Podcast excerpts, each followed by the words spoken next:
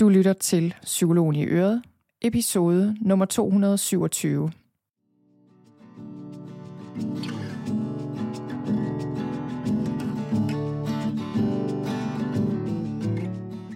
Velkommen til Psykologen i Øret. Jeg er psykologen Begitte Sølstein, og Øret, det er dit.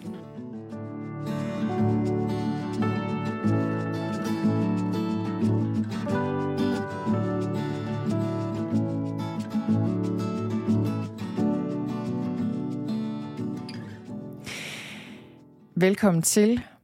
Jeg har glædet mig til episoden i dag, fordi jeg vil dele noget med dig, som egentlig er en lektion, eller øh, hvad skal man sige, en sammensmeltning af et par lektioner, som er en del af mit 8 ugers forløb for stressramte ro. Og øh, det er sådan i ro, at det er et online-baseret forløb. Det vil sige, at man lærer via video- og lydlektioner, og der er forskellige øvelser. Jeg er der også til stede selv. Der er en telefontid. Vi har live-sessioner med spørgsmål osv. Men det er et kursus, hvor du får en række lektioner.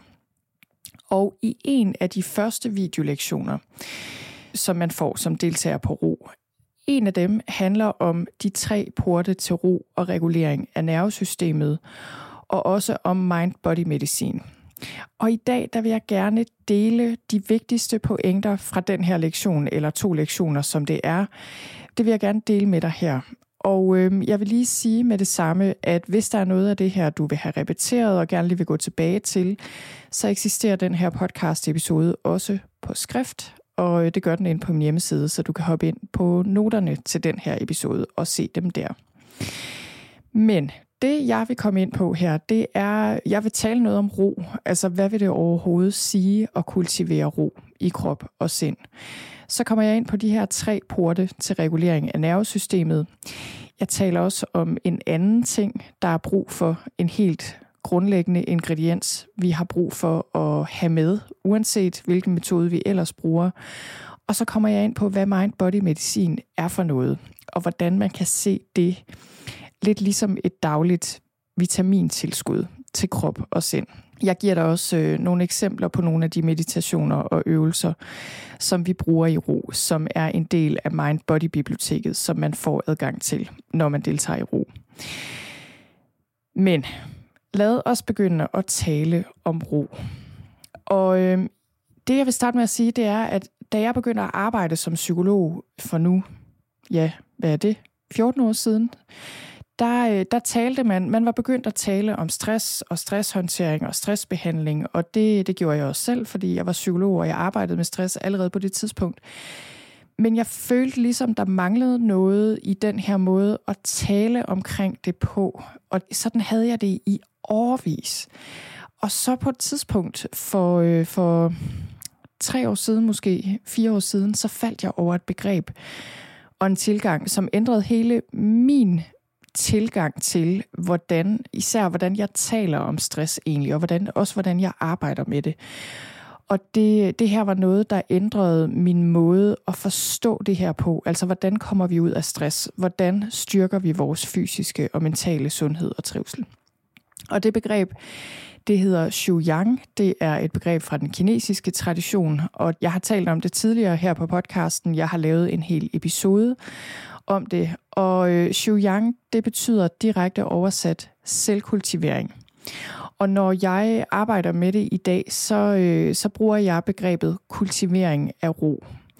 Og det er ikke så meget en metode, det er mere en måde at leve livet på, kan man sige, og en måde at forstå det her med, hvordan skaber vi et liv, hvor vi kan kultivere ro og ikke blive overbelastet af stress. Og grunden til, at jeg stødte på det i sin tid, det er, fordi jeg efteruddannede mig til Qigong-instruktør. Qigong er ligesom Tai Chi, de her langsomme kampsportsagtige bevægelser, som jeg også har brugt meget øh, selv og i mit arbejde med stress. Men hvis jeg skal definere kultivering af ro, så er det, at du lever på en måde, så du løbende forebygger fysiske og psykologiske problemer og bedre eller helbreder sygdomme og ubalancer, som for eksempel stress, når de først er opstået, ved at kultivere fysisk og psykologisk ro og sundhed i din hverdag. Og det her, det handler ikke om, at du skal leve efter alle mulige indviklede regler, eller vide noget om kinesisk medicin, eller noget som helst. Det handler simpelthen om, at du kultiverer ro på enkle måder i din hverdag. Og der er altså bare nogle helt enkle ting, du kan gøre på daglig basis for at bevæge dig i retning af mere fysisk og psykologisk og åndelig stabilitet og ro. Og det er de ting, vi arbejder med i mit forløb ro, og nogle af dem, mange af dem taler jeg også om her på podcasten løbende. Og det, jeg synes er så interessant ved den her øh, tilgang, det er, jeg synes, det vender det lidt om. I stedet for at tænke på, at vi bare skal fjerne stress, og hvordan håndterer vi stress, så siger vi ligesom, okay, kig på dit liv, og kig på din dag som en have, og tænk så over, hvad planter du i den have i løbet af en dag? Hvis du planter små, gode, daglige vaner, giver dig selv noget ro og noget omsorg, noget ordentlig mad, vand nok, plejer dine relationer osv. Og hvis du så til gengæld fjerner ukrudt, altså dårlige vaner og ting, du kan se skaber stress, så vil der ske det, at ting vil gro i din have, og ro vil gro i dit liv. Og det kan være, at du lige nu tænker, mit liv er overhovedet ikke en have, eller i hvert fald er den her have fuldstændig uoverskuelig, den er helt groet til, og, og jeg vil bare sige, tag den med ro. Der, der er ingen af os, øh, jeg kender i hvert fald ikke nogen, der har en helt perfekt have, hvor alt bare et helt perfekt liv, hvor alt bare gror som det skal. Det er meget små ting og mikroskopisk små vaner, man kan begynde at tage ind i sit liv, og de kan sætte gang i meget store forandringer og store og vigtige processer. Også selvom der, hvor man starter, er et sted, hvor man har det rigtig skidt, øh, hvor man føler, at kroppen er fuldstændig udmattet, sindet er fuld af stress og angst, eller hvad det nu er. Og det jeg også bare synes er så interessant og så godt ved den her tilgang med at tænke på kultivering af ro, frem for bare stresshåndtering, det er, at det fungerer som medicin mod følgerne af langvarig stress, også langvarig ja, alt muligt andet, alle mulige andre problemer. Så det, det fungerer som medicin og helbredelse, og, og det forebygger stress i fremtiden og forebygger problemer i fremtiden. Så det er både forebyggelse og behandling, og så er det livsstil på en og samme tid. Og det kan jeg rigtig godt lide, fordi jeg tror meget på, at vi skal væk fra den her behandlingsmæssige tilgang til stress, at det er noget, der foregår hos en læge eller hos en psykolog. Ikke at der er noget i vejen med læger og psykologer overhovedet, men for mig at se, så er det i hverdagen slaget skal stå, både når det gælder vores fysiske og psykologiske helbred. Så det var lidt om kultivering af ro. Og så kommer det store spørgsmål så, hvordan gør vi så? Hvordan gør man det her i praksis? Hvordan skaber man noget ro? Og det handler mit forløb ro rigtig meget om. Og jeg vil faktisk sige, at den måde forløbet er bygget op på, er faktisk meget omkring hverdagen og tidspunkter på dagen, og hvad man kan gøre på forskellige tidspunkter i dagen. Og mange af de her ting er altså helt low-key, praktiske, enkle ting. Men hvis vi hæver os op på et lidt mere overordnet plan og kigger på, okay, hvordan skaber vi ro? Hvordan regulerer vi nervesystemet, hvis vi er stressede og overbelastede eller har det skidt? Så kan man sige, så er der overordnet set tre porte til ro og regulering af nervesystemet. Og det, hvis du spørger mig, så har alle brug for at være bevidste om de her tre veje. Det er tre veje, vi kan gå alt efter, hvad vi har behov for på den dag, øh, vi nu er i gang med, og i den situation, vi nu befinder os i. Og jeg synes, det er vigtigt at vide noget om de her tre porte, fordi nogle gange er der en tendens til, at vi øh, stressbehandling for eksempel ligesom bare fokuserer på den ene port og siger, det hele handler om kroppen, eller det hele handler om tankerne, eller det hele handler bare om simple living og sige dit arbejde op, eller hvad nu. Altså, og det tror jeg bare er for forenklet. Sådan fungerer det ikke. Når man skal håndtere stress i det daglige, så skal man have flere øh, øh, håndtag, eller hvad skal man sige, man skal have flere ting, man kan tage fat i, alt efter, hvordan man har det, og alt efter, hvad der dukker op. Så port nummer et er kroppen og sanserne. Når du regulerer kroppen og nervesystemet direkte via kropsbaserede øvelser, sansebaserede øvelser, så kommunikerer du direkte med de dele af hjernen, der ikke forstår ord. Og det er der altså store dele af hjernen, der ikke gør. Til gengæld forstår hjernen og kroppen bevægelse, åndedrætsmønstre, tonefald, berøring, at du opholder dig i naturen, vækker sanserne, altså ting i den her stil. Og det giver rigtig god mening, at vi arbejder direkte med kroppen, når vi er stressede, fordi det ofte er her, stress viser sig. Men når vi arbejder med kroppen, så arbejder vi også med sindet, fordi sindets tilstand og tanker og følelser osv. afspejler kroppens tilstand. Vi er vant til at tænke det omvendt, at tankerne påvirker kroppen, og det gør de jo også. Men sindet er også et resultat af kroppens tilstand, og det er derfor, at sådan noget som åndedrætsøvelser og sådan noget som at spise ordentligt og få en god tarmflora, sådan noget som bevægelse, massage for eksempel, det er derfor, de her ting påvirker sindet direkte. Simpelthen fordi, når kroppens tilstand ændrer sig, så ændrer sindets tilstand sig. Så det var den første port, kroppen og sanserne. Så er der den næste port, som er tankerne som også er en super, super vigtig ting. Tanker kan skabe enorme mængder af stress også selvom vores liv udenpå er fuldstændig ustressende. Altså, jeg har nogle gange tænkt på det, fordi jeg bor her et sted, øh, hvor der er meget smukt. Jeg står lige og kigger ud på vores sø nede i baghaven her, og naturmæssigt er der rigtig skønt. Og nogle gange, der var en periode, hvor jeg følte mig ekstremt stresset. Der, der havde jeg bare den der, okay, hvor kommer alt det her stress fra? Fordi lige umiddelbart er der ikke rigtig noget, der stresser mig. Og selvfølgelig kom det fra mine tanker. Altså, du er ikke unormal, hvis dine tanker flyver rundt og mylder rundt, og hvis du har masser af selvkritiske tanker, skamfulde tanker, frygtbaserede tanker. Det er ret normalt, men det er også noget, der giver rigtig meget uro, både i sindet og også i kroppen. Så når vi arbejder med tankerne, så arbejder vi ikke kun med indholdet af tankerne. Det gør vi også, det er også vigtigt, men vi arbejder især også med forholdet til vores tanker.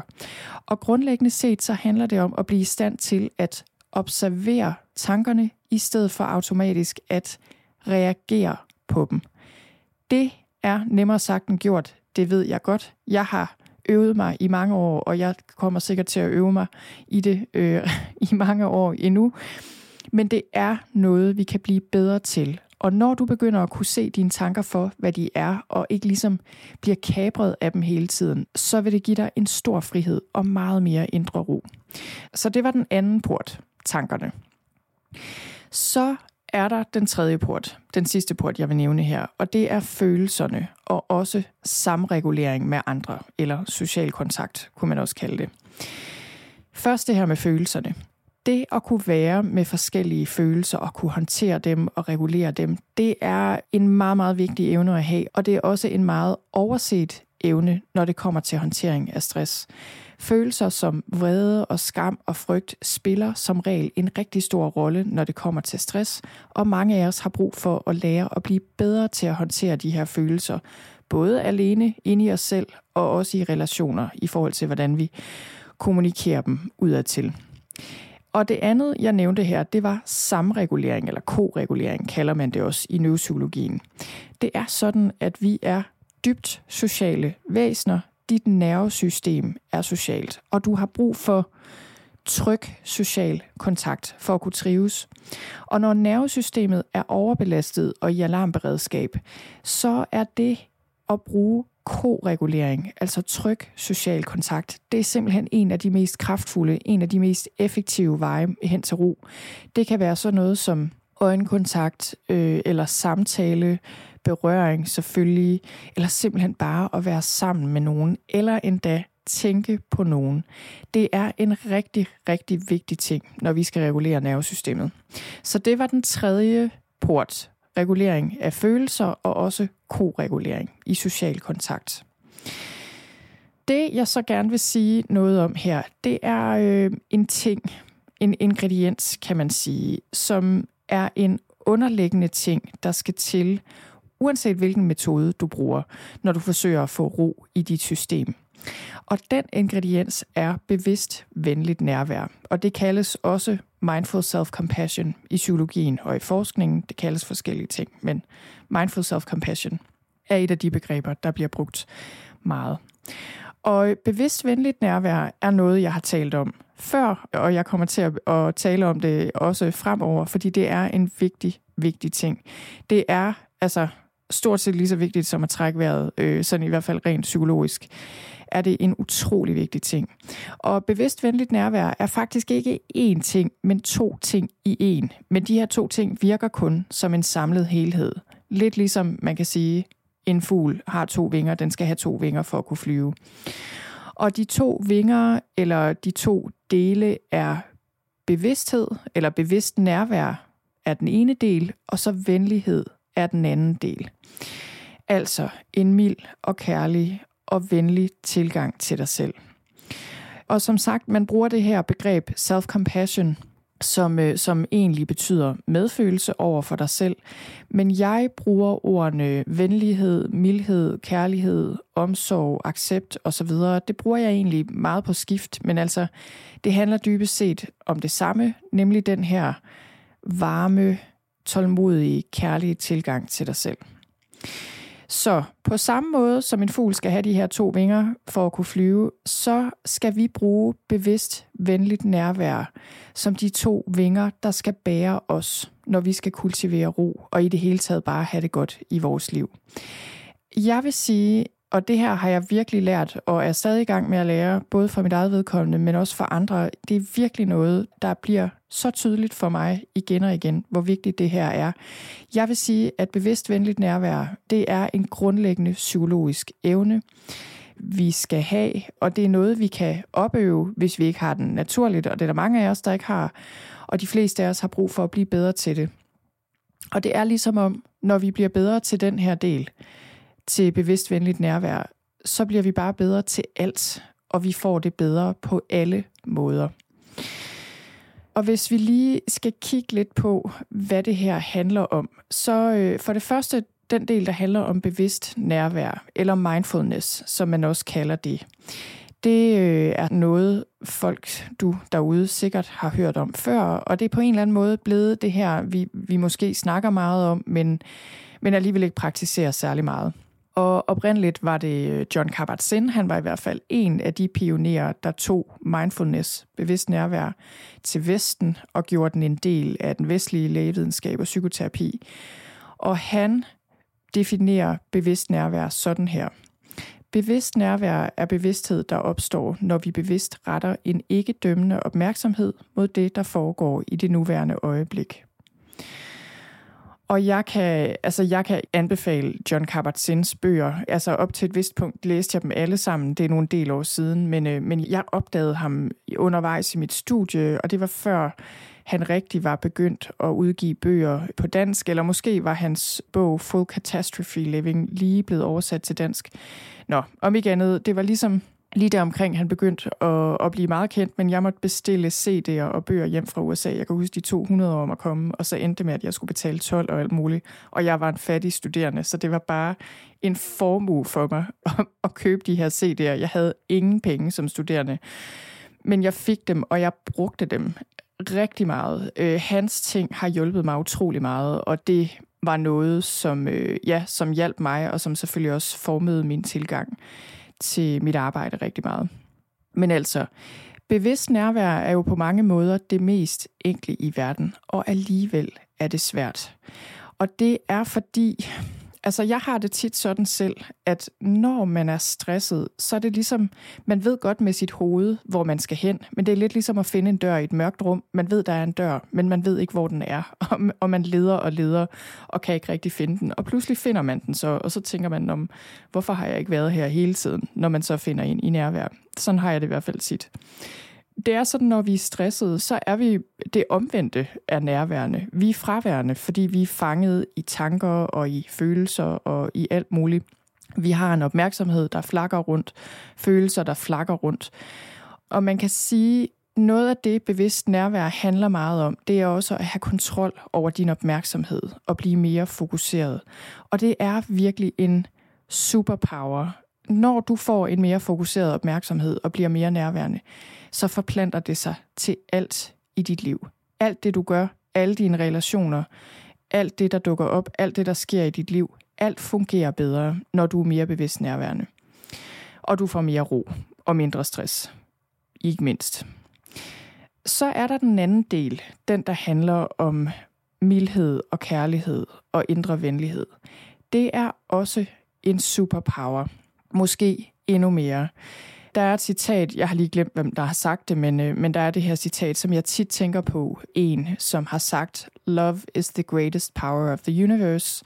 Kærlighed er den stærkeste kraft i universet, og det tror jeg på er sandt. Det ved jeg er sandt. Og øh, det er ligesom på en måde en meget abstrakt idé jo. Det kan være, at vi kan blive enige om det på et eller andet abstrakt plan. Men så er det jo det der med, hvad vil det egentlig sige i, øh, i dagligdagen, og hvad vil det egentlig sige i praksis? Og i praksis, så, så handler det her om vores kærlighed både til andre, men også vores måde at behandle os selv på, og etablere en kærlig relation til os selv. Og jeg tror, eller jeg ved, at mange kan have meget stor modstand mod den her idé om, at vi skal til at være milde og kærlige og acceptere os selv og alt det her. Fordi vi tror, at det er det samme som, øh, at vi skal til at være bløde og eftergivende, og at vi ikke stiller krav til os selv eller andre, og at folk kan vade ind over os, at der ikke sker noget som helst, fordi vi ikke udretter noget, fordi vi ikke er motiveret øh, og alt sådan noget. Men jeg vil bare sige, det er slet ikke sådan, det forholder sig. Tværtimod, des mere indre venlighed du kan oparbejde, des bedre bliver du til at sætte grænser for eksempel, bryde dårlige vaner, gøre det, der skal gøres. Det er bare, at motivationen, det der driver dig, kommer et sundere sted fra. Så Self-compassion, indre venlighed, det er essentielt, når man skal nedbringe stress. I hvert fald, hvis du skal gøre det på en holdbar måde. Og det er simpelthen, hvad skal man sige, for mig at se, er det det, der også er med til at nedregulere nervesystemet og virkelig give kroppen den ro og sindet den ro, der skal til og jeg tænker jo, vi har altid vidst det her. Vi har altid vidst, at kærlighed og venlighed er noget, der helbreder, noget, der forandrer. Det har vi vidst i tusindvis af år. Det nye er så, at i psykologien, der har man nu også vidst det i, i ja, mange, mange år. For eksempel i den humanistiske tradition, som i 60'erne var det noget, der, der fyldte rigtig meget men allerede hos Freud sådan set også. Men de seneste år, de sidste 10 år måske især, der er man begyndt at forske i det her i neuropsykologien og i lægevidenskaben på en måde, hvor man dokumenterer med vores vestlige øh, videnskabelige metoder, dokumenterer vi, okay, hvorfor er det egentlig, at det her virker? Hvordan er det, det har en effekt på nervesystemet og på kroppen? Hvordan kan det være, at en indre venlighed, indre tålmodig, accepterende tilgang til os selv, hvordan kan det være, at det kan munde ud i, at vi kommer os over sygdom eller forebygger fysisk sygdom? Så det er det nye, at vi er begyndt at kunne, øh, kunne se præcis, hvordan det her virker. Og øh, det, der er med mindful self-compassion, med indre venlighed, det er, at fordi det er blevet et centralt emne, som der forskes meget i, og som praktiseres meget, så er der kommet især de senere år forskellige metoder, forskellige skoler, kunne man måske sige, og dem er der en hel del af. Det, jeg især trækker på øh, i mit arbejde, fordi jeg er efteruddannet inden for de her metoder, det er Paul Gilbert. Han er britisk professor i psykologi. Han har noget, der hedder compassion-fokuseret træning. Så er der Kirsten Neff og Christopher Germer. De er amerikanere. Jeg tror, Kristen Neff, hun er psykolog og forsker, og Christopher Germer, han er psykoterapeut. Og de har udviklet den metode, der hedder Mindful Self-Compassion. Og dem har jeg også taget en del efteruddannelse hos.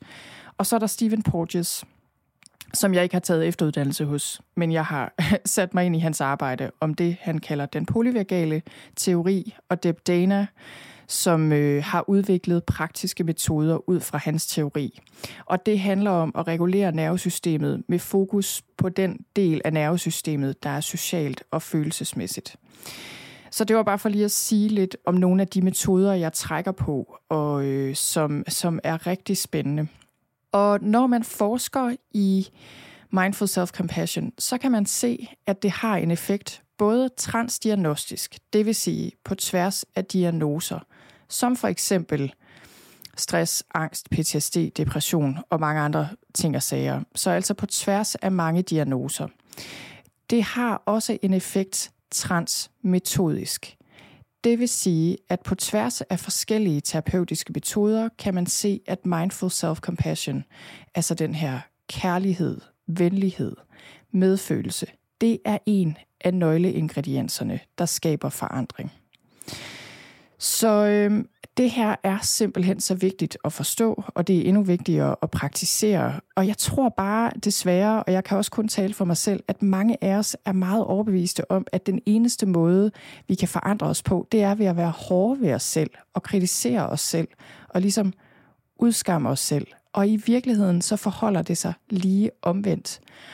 Og nu får jeg lyst til at citere Carl Rogers, som jeg har, jeg tror, jeg har citeret ham mange gange før på podcasten, og jeg kommer sikkert til det igen. Men det er fordi, jeg synes, det er, det er helt grundlæggende, øh, det her, og det citat her, øh, synes jeg ligesom opsummerer den her pointe rigtig godt. Og han sagde, det er et interessant paradoks, at når jeg accepterer mig selv, som jeg er, så kan jeg forandre mig.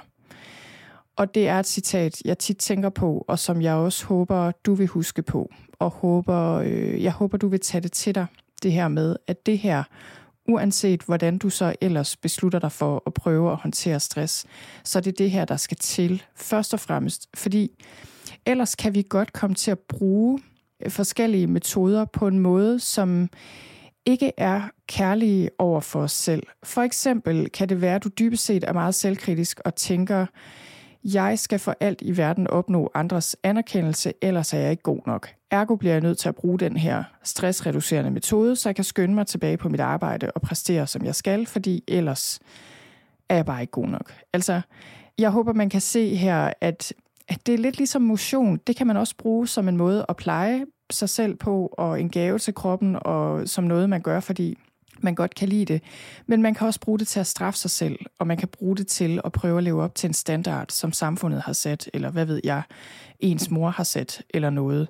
Så det er meget vigtigt at være opmærksom på, at det er ikke kun de metoder, du bruger, det er i høj grad, hvordan du bruger dem. Hvordan du taler til dig selv, hvordan du behandler dig selv, når du begår fejl, og ikke får det gjort. Det er det, der er det vigtige. Her til sidst, så vil jeg lige sige lidt om mind-body-medicin, som også er et mega spændende emne, som, øh, som er noget, jeg har interesseret mig for, jamen altid, skulle jeg lige til at sige, siden øh, jeg læste på studiet. Det var noget, jeg, jeg dykkede rimelig meget ned i allerede dengang, og siden er der kommet helt vildt meget mere forskning, og alle mulige ting er kommet siden da i forhold til det her. Det plejede at være sådan lidt, lidt hippieagtig nærmest, føler jeg, øh, sådan meget alternativ ting at tale om mind-body-medicin. Det er det ikke i dag. Det er noget, man bruger øh, på lægeklinikker, i det offentlige, alle steder er det her noget, man ved virker. Men til trods for det, føler jeg, at det er noget, vi har brug for at udbrede endnu mere, fordi der, der er ingen tvivl om, at der er, der er også rigtig mange steder, hvor man måske ikke rigtig har øh, implementeret det her så meget, og det tror jeg også har noget at gøre med, at at det at behandle folk med mind-body-medicin, altså for eksempel forskellige øvelser eller meditationer, og måske også med sund kost og bevægelse osv., det er mere ressourcekrævende tit til en start, fordi det kræver, at man også hjælper folk med at ændre vaner i et eller andet omfang. Og det kræver en del støtte og opbakning. Og det er noget, der koster nogle ressourcer indledningsvis. Man kan sige, at på sigt sparer det jo helt sindssygt mange ressourcer. Men altså, desværre er det sådan, tror jeg, at mange steder i systemet, så, så tænker man noget kortsigtet. Og mange steder i det offentlige, og ja, hvad ved jeg, måske også i det private. Men, øh, men der er en tendens til, at der er lidt større frihed der. Men mange steder hænger man fast i den her meget gammeldags medicinske model og har simpelthen ikke viden nok om mind-body-medicin. Så altså, det er noget af det, jeg håber vil vinde frem, både i forhold til stress og angst og andre psykologiske ting, men i den grad også i forhold til fysiske helbredsproblematikker. Så mind mind-body-medicin eller mind-body-teknikker, som for eksempel meditationer, visualiseringer, afspændinger og andet, det virker som medicin, bogstaveligt talt. Og det er der forskellige grunde til, men grundlæggende set kan man sige, at det aktiverer kroppens beroligende system. Og du har forskellige systemer i kroppen, der regulerer hele din fysiologiske og psykologiske tilstand. Og når vi er stressede, så er der et system, man kalder trusselsystemet, som aktiverer det, vi kalder stressresponsen, som giver dig til at håndtere trusler og udfordringer og være i gang og så videre. Og det er fint og godt, og det skal være aktiveret indimellem. Men her bruger vi af vores ressourcer, og det slider på kroppen. Det beroligende system til gengæld skal også være aktiveret jævnligt, og det skal egentlig gerne være vores standardindstilling. Og det er en tilstand, hvor krop og sind finder tilbage i ro og genvinder ressourcer og reparerer skader osv. Og det, der er så interessant og også vigtigt at huske på, det er altså, at når vi sørger for at give kroppen de optimale betingelser, så er der selvregulerende og selvhelbredende processer i kroppen, som går i gang. Men det gør de altså ikke, hvis vi konstant er stressede, så det er rigtig vigtigt, at vi gør noget for at aktivere kroppens beroligende system. Og det her, det er ikke for at sige, at man aldrig skal bruge medicin eller andre ting altså udefra for at assistere kroppen, fordi selvfølgelig skal man det. Men jeg tror, at øh, mange af os undervurderer fuldstændig kroppens egen evne til også at komme sig, hjernens evne til at komme sig hvis den ellers bare får noget ro. Så øh, man kan sige, det der sker nu, jeg vil ikke sådan gå helt ned på mikroskopisk plan, fordi der er selvfølgelig noget af det her, man heller ikke ved præcis, hvordan fungerer. Så er der noget af det, man efterhånden er begyndt at kunne se, øh, også i detaljer, hvordan fungerer det her øh, på et neurokemisk plan, altså i forhold til forskellige signalstoffer og sådan noget som nitrogenoxid, som er en af de ting, man kigger på som man tror spiller en vigtig rolle. Altså, hvordan tarmfloren, maven, som man kalder den anden hjerne, hvordan den spiller en enorm stor rolle i forhold til inflammationsniveauet i kroppen, og hvordan det påvirker hjernen, og hvordan hvad der påvirker, eller hvad skal man sige, enten fremmer eller hæmmer de her selvreparerende processer. Altså der er alle mulige ting her, man kan dykke ned i, og som jeg personligt synes er helt ekstremt spændende.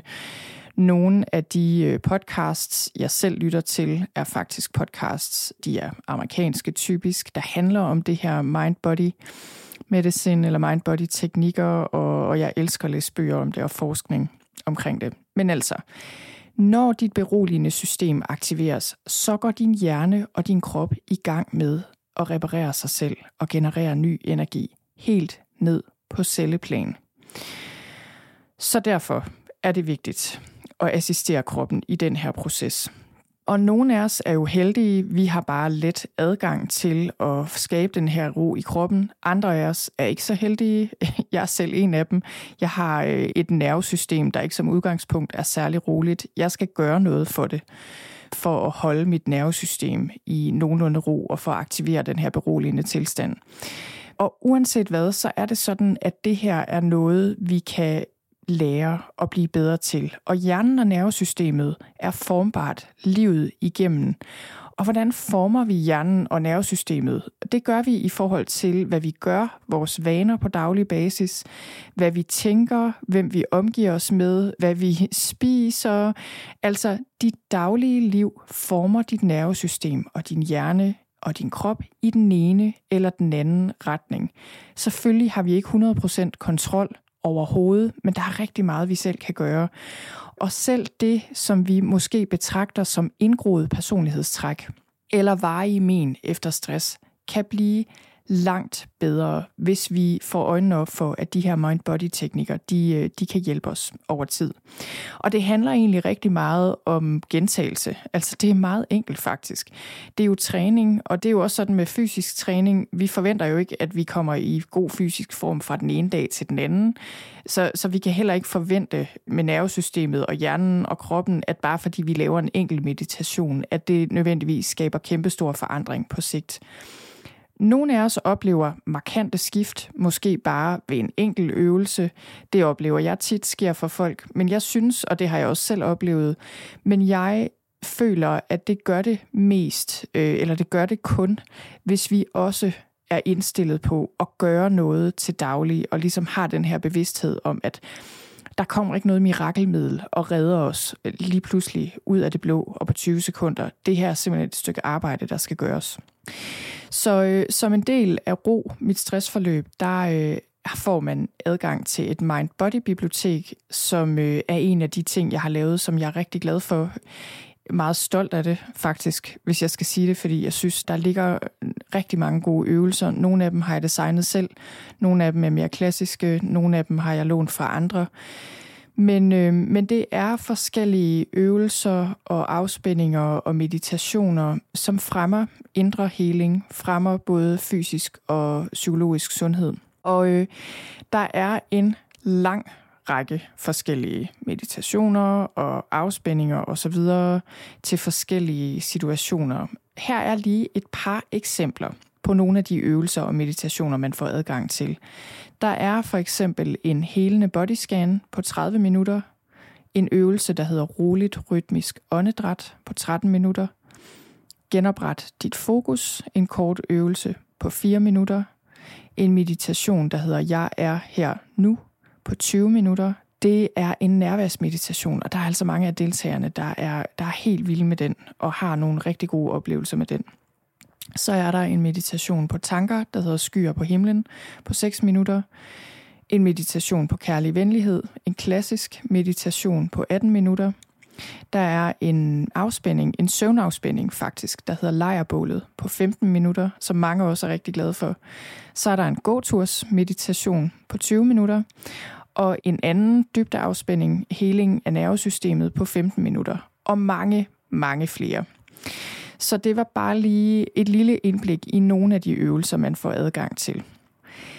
Det var sådan set det, jeg havde i dag, og det var også en, øh, en hel del egentlig. Jeg håber, at du føler, at du har lært noget i den her episode. Jeg håber, du føler, at du har fået indblik i, hvilke ting man kan gribe og gøre i, og ligesom de veje, der er at gå sådan lidt overordnet set, når vi skal skabe ro i nervesystemet og i kroppen, når vi skal komme os over stress. Og jeg håber, at du vil kigge lidt på dit eget liv og tænke lidt over det her med kultivering af ro og se på dit liv og se på din hverdag som en have og tænke lidt over, hvordan du kan plante en lille bitte god vane, måske allerede i dag, gøre et eller andet godt for dig selv, som får noget godt til at gro i dit liv, og som gør, at du får mere ro ind i din dag. Og så vil jeg ellers bare sige tusind tak, fordi du lyttede med. Whatever it might be Keep surprising me Whatever right or wrong Bring it on